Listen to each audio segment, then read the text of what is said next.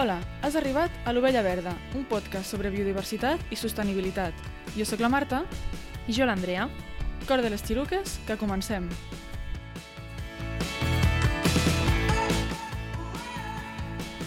A Catalunya, més concretament als Pirineus, hi ha diverses espècies de fauna emblemàtiques, i una d'elles és l'os bru. Poca gent pot dir que ha vist ossos en llibertat al Pirineu català, però nosaltres vam aconseguir-ho el passat mes de juny de 2023, gràcies al Maria Serrat, fundador de Pirinaicus, una petita agència de viatges que creuen el desenvolupament del turisme responsable i de la divulgació. Sí, han passat uns mesos i encara m'emociono jo. És que va ser molt heavy. No sé ni, no sabria ni per on començar a explicar-ho, la veritat. I mira que les dues ja havien vist ossos, eh? Sí, jo havia vist ossos a Polònia, eh, el 2019, vaig estar allà uns mesos, i com que estava treballant en un lloc on, on fèiem estudis sobre ossos, clar, ens movíem molt per les muntanyes on, on precisament estaven vivint aquells ossos. I vaig tenir eh, ocasió de veure'ls dues vegades. La primera va ser totalment inesperat, perquè l'os va creuar pel camí on estàvem caminant, i la següent, eh, recordo que estàvem anant a un lloc per analitzar, bueno, per fer un recompte d'aliment, i el vam veure, vam veure uns quants ossos menjant a la vessant d'una muntanya, així sense, sense binocles ni res, amb l'ull nu. Uau, mira que sense prismàtics ja, ja és un què, ja vol dir que estava bastant, bastant a prop, eh? Sí, sí, molt a prop, la veritat. Jo vaig anar expressament a Somiedo, a Astúries, a, a veure ossos amb els amics del màster eh, l'estiu de, del 2022. I el primer dia vam anar amb guies de Somiedo Experience, que us recomano, la veritat, eren super macos i sabien moltíssim, i vam veure un de jove, que no ens van saber dir si era mascle o femella, van ser uns segons, estava lluny, eh, va ser super xulo, eh, i vam fer una ruta interpretativa on van veure rastres, on van veure tots els rastres, de fet. Van veure excrements enormes, pedres aixecades, perquè mengen sota, o sigui, busquen aliment sota les pedres, eh, branques d'arbres trencades i troncs marcats on s'havien quedat enganxats pèls i també les marques de les ungles i, i de les dents. I em semblava fortíssim també perquè ens van dir que les caques eren super recents. I jo, uau, uau, uau, que per aquí fa res ha passat un os, saps? I a veure, ossos de lluny, eh, guai, molt bé, però no em perdo, o sigui, crec que no em perdo cap experiència vital si no em creu un os pel camí. No, no et perds cap experiència vital i a més a més eh, jo la vaig veure en dues ocasions, una molt a prop, però va haver-hi una tercera vegada en la que estàvem caminant pel mig de la muntanya, que sabíem que per allà hi havia ossos, hi havia boira, que no veiem més de dos metres i la por que passés en aquell moment de dir en qualsevol moment em pot passar un os per aquí davant i jo no el veig, però ell tampoc em veu, per tant es pot espantar i, i reaccionar d'alguna manera, eh, no, no ho recomano. Nosaltres on ens vam quedar a dormir al poble, que era Belmonte, Belmonte de Miranda, em sembla, hi havia un camí que vam recórrer diverses vegades i hi, hi havia un camí al costat, eh? o sigui, el, surts del poble, trepitges aquell camí i també vam veure caques allà, és eh, fort, fort, fort. Bueno, i ja vam parlar amb gent del poble i ens explicaven experiències a Mossos, sobretot a la pandèmia s'apropaven i tot, és que... Clar, clar. Eh, I un altre dia, perquè aquest no va ser l'únic dia que vam, que vam veure ossos, un altre dia eh, en una excursió, perquè no tot era observació de fauna, en una excursió amb un, vam, ens vam trobar amb un grup de gent jove eh, i ens van, ens van dir d'anar a veure ossos junts.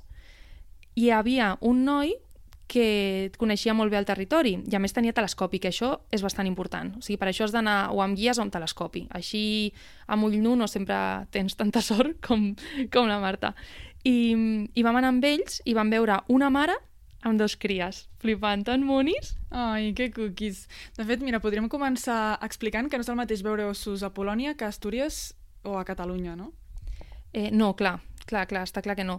Eh, perquè a Polònia com està el tema dels ossos? Doncs mira, a Polònia eh, et diria que no és difícil veure ossos, especialment on els, jo, on els vaig veure jo, que és a les muntanyes de Tatra, el que passa que allí la població d'ossos és compartida al llarg de totes les muntanyes dels Carpats i bueno, travessen diferents països, no? Polònia, Ucraïna, Eslovàquia, Sèrbia i Romania. Llavors, clar, tota la població és d'aproximadament uns 8.000 individus i es divideix al llarg d'aquests països, però clar, tampoc ho fa homogèniament, no? hi ha com diferents sectors amb més densitats i menys. El que va ser que, clar, els ossos no tenen fronteres, no? estan en tot aquest territori, però mm, les lleis sí que tenen fronteres, llavors depenent d'on es trobin, en quin país es trobin, estan protegits com a Polònia o fins i tot es poden caçar com a Ucraïna i Eslovàquia. Has dit una població de 8.000 ossos, eh? Mm. eh? És que clar, així qualsevol vas a, vas a comparar. Sí, Astúries quants ossos hi ha? Jo vaig llegir que en tota la serralada cantàbrica, que això és part de Cantàbria, Astúries, Galícia, Castilla i León i País Basc, eh, hi ha més de 370 ossos. Doncs déu nhi en comparació amb Catalunya. Clar, Catalunya, el Marià ens va dir que hi havia uns 80 ossos aproximadament, que en comparació amb els 370 de, de la serralada cantàbrica, doncs és poquet. Sí, de fet ens va dir que l'espècie va estar a punt d'extingir-se. Sí, no només va estar a punt d'extingir-se als Pirineus, sinó que en tota la península ibèrica. És un animal que s'ha salvat de l'extinció i que a Prox 2021, no he arribat a, a aconseguir l'any concret, però aproximadament va deixar d'estar en perill crític d'extinció a estar només en perill. Que això pot no semblar-ho, però és un èxit. Clar, hem dit que en total, entre les poblacions de la Cordillera Cantàbrica i els Pirineus, hi ha més de 400 ossos, però és que als anys 90 va ser quan va arribar al seu punt crític, ja que hi havia bastant menys de 100 individus en tota la península ibèrica, en poblacions disperses. I mira que és una espècie que està protegida des de 1973. Sí, va ser llavors, no?, quan es va prohibir la seva caça. Sí, eh, a veure, crec que no va servir de gaire. O sigui, la caça va ser una de les causes principals del declivi de l'os. Primer, la caça legal, no?, perquè es podia caçar, i a partir de 1973, la caça furtiva, la caça il·legal, perquè es matava igual, i jo he llegit que amb certa impunitat, no com ara, que si mates un os eh, se lia, i millor, la veritat. Que se lia, que se lia. eh, hi ha més acceptació social, també. Hi ha hi ha polèmica, hi ha polèmica, però això no ens dona pel, pel, pel nostre episodi d'avui. Crec que això és un tema llarg. Pot ser també que la gent es comença a veure i, i entendre que l'os no ataca les persones. Sí, sobretot això. O sigui, sobretot eh, crec que hi ha més acceptació social eh, per això. Eh, sigui com sigui, és un animal que s'ha de respectar i que cada cop es respecta més, per sort, i mira, a poc a poc s'està arribant a una millor situació i als Pirineus en concret és gràcies a les reintroduccions que es van fer, ja que es van portar ossos d'Eslovènia i ara, com hem dit, hi ha uns 80 ossos repartits entre la Vall d'Aran i el Pallars Sobirà i també en trobem a Andorra i al Pirineu aragonès i francès.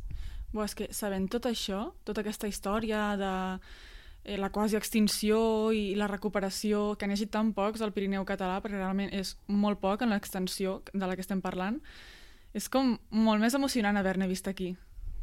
Sí, mira que és molt guai, però mira que no teníem moltes expectatives, eh? Sí, nosaltres anàvem com, vale, anem, anem a provar-ho, però la veritat no anàvem amb gens d'esperances de veure'n. Eh, vam arribar el dissabte a la tarda per fer l'espera i vam començar a veure doncs, molts altres animals, vam veure isards, cèrvols, porcs senglars, vam escoltar cabirols, però no vam veure os. Però, bueno, que realment ja ens ho esperàvem de no veure'l. Era el que... Anàvem molt mentalitzades, que no en veuríem. I el bo d'aquí és que tenim tot el, tot el, tot el camp de visió de, les, sí, sí, sí. Del, de la pare en roca. Vale? Ja dic, ahir el vaig veure just en aquella, d'allà, vale? per la part alta, que guai. però d'allà pot passar per aquí, eh, va cap al treball, a més eh, és probable, si tenim sort, com que hi ha el zel, que de vegades es poden veure més d'un. Ara que has dit del port senglar, el port senglar gairebé ens confon perquè era enorme i era ja molt fosc però no, que, que era un port senglar, però de, de, de ben poc, eh, que ens pensem que, havia vist, que havíem vist un os. Sí, ja quan, quan es va fer de nit, doncs, bueno, a dormir i ens van posar l'alarma molt, molt d'hora, com a les 5 o les 6, per despertar-nos ben d'hora i aprofitar la sortida del sol. Sí, perquè al final eh, les esperes eh, es fan a, per veure qualsevol animal, em sembla, però vaja, que les esperes es fan a la sortida i a la posta de sol. Uh, així que sí, ben d'hora, ben d'hora, ja estàvem mirant pels prismàtics i en realitat no es veia quasi res. És, però sort del Marià. Sí, sort d'ell, que ens anava explicant i ens anava dient una mica el que es veia, perquè és que a més a més vam aprendre moltíssim sobre l'os, ens explica moltíssimes coses. Hmm, és el que passa a les esperes, no? que has de tenir molta paciència, hi ha molt temps de xerrar i que millor que, que xerrar sobre l'os i fer-li un, un munt de preguntes. Ens va explicar coses sobre, sobre la seva alimentació, que és un dels mites que, que hi ha aquí, crec, perquè potser hi ha molta gent que té al cap, no sé si per pel·lis o documentals, no ho sé, eh? però que com si tots els ossos eh, mengessin peix o carn, així en, en general, eh, i, que, i que és la seva font d'alimentació principal, no? la, la caça. Sí, potser també perquè tenim molt aquesta imatge mental del típic os que s'en un salmó, no? Que, mm, clar, això potser en un altre país eh, és més comú, però aquí no. O sigui, de fet, aquí l'os bru, eh, ja sigui el de la serralada cantàbrica o el dels Pirineus, és sobretot herbívor, um, pot arribar a menjar fins a 55 quilos de fruita al dia. Aquí menja ortigues, navius, eh, aranyons, avellanes, cireres, i també aixequen pedres per menjar-se tubercles i insectes. I que, i què passa? Doncs que a través dels excrements va dispersant aquestes llavors que són viables i estan llestes per, per germinar. De fet, l'os camina moltíssim, així que mentrestant les va dispersant pel territori. És, eh, realment és com una funció ecològica molt important. Sí, nosaltres no estem... no tenim el mateix gust que una cirera, segur. Això està clar. Bàsicament a l'os eh, no li interessem i és bastant esquiu, de fet, eh, evita els humans i si et veu, marxa. Sí, una mica el que va passar quan vam veure, finalment, la parelleta d'ossos, tot i que, bueno, quasi no els veiem, gràcies a sort del Maria. La, la meva experiència és que et penses que el pots veure a simple vista perquè és un bitxo enorme de 200 Mm. quilos, I no. però en realitat la vista també s'ha d'entrenar Sí, i estan i el pots veure com molt lluny i, i que, tu, em- que tu em diguis eh, mira, està, està allà, que no el veus i jo, sí, sí. no, Bueno, el confons amb una roca, Sí, amb un arbre... Correcte. Llavors aquí, com que som tres, tres que més o menys tenen una vista entrenada, que això t'agraeix, vale? jo l'estratègia seria la següent. Una que miri cap allà, l'altra en aquí i l'altra en aquí, vale? Perquè, vale, a tres jocs diferents. Sí, a tres jocs diferents. Perquè, per diverses coses. Perquè seran bastantes hores, al final, paciència, Sí, seran bastantes hores, d'acord? I el que tu dius, es camuflen més del que sembla. sí, sí, tant. I llavors, tenen el, el color de pèl que tenen també per això, perquè estan, sobretot, sobretot, sobretot, estan a les roques. Mhm. on, on creus que no estaria, està. Ja. Vale? Justament tenen un color com... Com la roca. Com la roca. I si estan en allà, una cosa, si estan movent-se és fàcil, Clar, Clar. Però la gran majoria de vegades que estan fent? Jalant. sí. I jalant, si, només que estiguin d'esquena, tu veus una pilota. Clar. I hi ha un munt de vegades que es confonen pues, amb un Un matoll, arbust, amb un sí. arbust que ja és mig negre, amb una roca que li ha agafat una mica d'aigua i és mig negre, etc etc. I que no tens referència del tamany, és a dir, que jo puc pensar que aquella muntanya està a Correcte. X i, I i, no. m'imagino l'os d'un De- tamany i en realitat és més petit. Correcte, pots pensar-te... Un, cop el tens la referència és molt més fàcil. Clar, això Però bueno, és... agafarem referència de cèrvols, Vale, va. vale? que són bastant, ocu- oculten menys, bastant menys, però... Bastant... Perquè passaran cèrvols. Sí. Sí, ho tens Mira, superclar, un- eh? amb un 400? Clar, la clau és anar resseguint tota la muntanya amb els prismàtics, així és com ho van fer, el Marià el va anar, va anar resseguint la muntanya, nosaltres també, però ell va ser molt més ràpid que nosaltres i els va veure abans, ens va avisar, eh, perquè just en aquell moment tu i jo estàvem xerrant, i sort d'ell, perquè si no haguessin passat per davant i no ens n'haguéssim assabentat. Des d'aquí, moltes gràcies, Marià. Va ser superbonic, la veritat. Vam veure un mascle i una femella. El mascle era una mica més gros, per això sabíem que era el mascle. I ens van veure, eh? Vam creuar mirades amb els ossos, ens observaven a veure què fèiem i van anar a seguir la vessant de la muntanya tan tranquil·lament. Nosaltres vam gaudir molt de la seva presència des de la distància i realment els dos ossos estaven tranquils i no els van molestar, la veritat. Estàvem, no sé, era, eren unes vibes tant d'ossos com, de, com la nostra, com molt matineres, molt del tranquis. Sí, els vam, anar veure, se'ls van veure així menjant i a poc a poc van anar seguint el seu camí, eh, van pujar a la cresta on ja tocava el sol, van canviar de vessant i bueno, ja, finalment els van perdre de vista. I de fet això ja era, o sigui, eren potser les 7 o les 8, super d'hora, però era com que el dia ja, ja estava totalment aprofitat. Se'ns quedarà aquesta anècdota per tota la vida, eh? Sí, ens va faltar veure cries. Tant de bo, moníssimes. Normalment tenen dos o tres cries, però sobreviu una o a vegades cap. Eh, I parlant d'observació, crec que ha arribat el moment de parlar sobre com observar ossos o fauna en general, perquè al final és una mica el mateix. Hm, estaria bé. Comences tu? Vinga, va. Doncs per observar fauna salvatge és important tenir eh, molt present que s'ha de tenir molta paciència.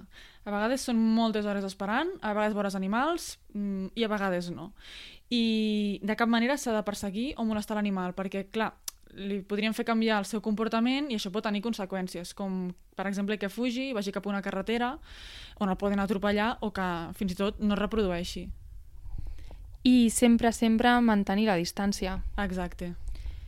Crec que ho podem tancar afegint també que si hi ha animals que no arribem a veure mai, doncs que no passa res, que valorem el que tenim a casa, que fem per conèixer els éssers vius que hi ha a prop i que si no tenim pasta per anar de safari a l'Àfrica, doncs que no passa res. I ciao. Vinga, adeu.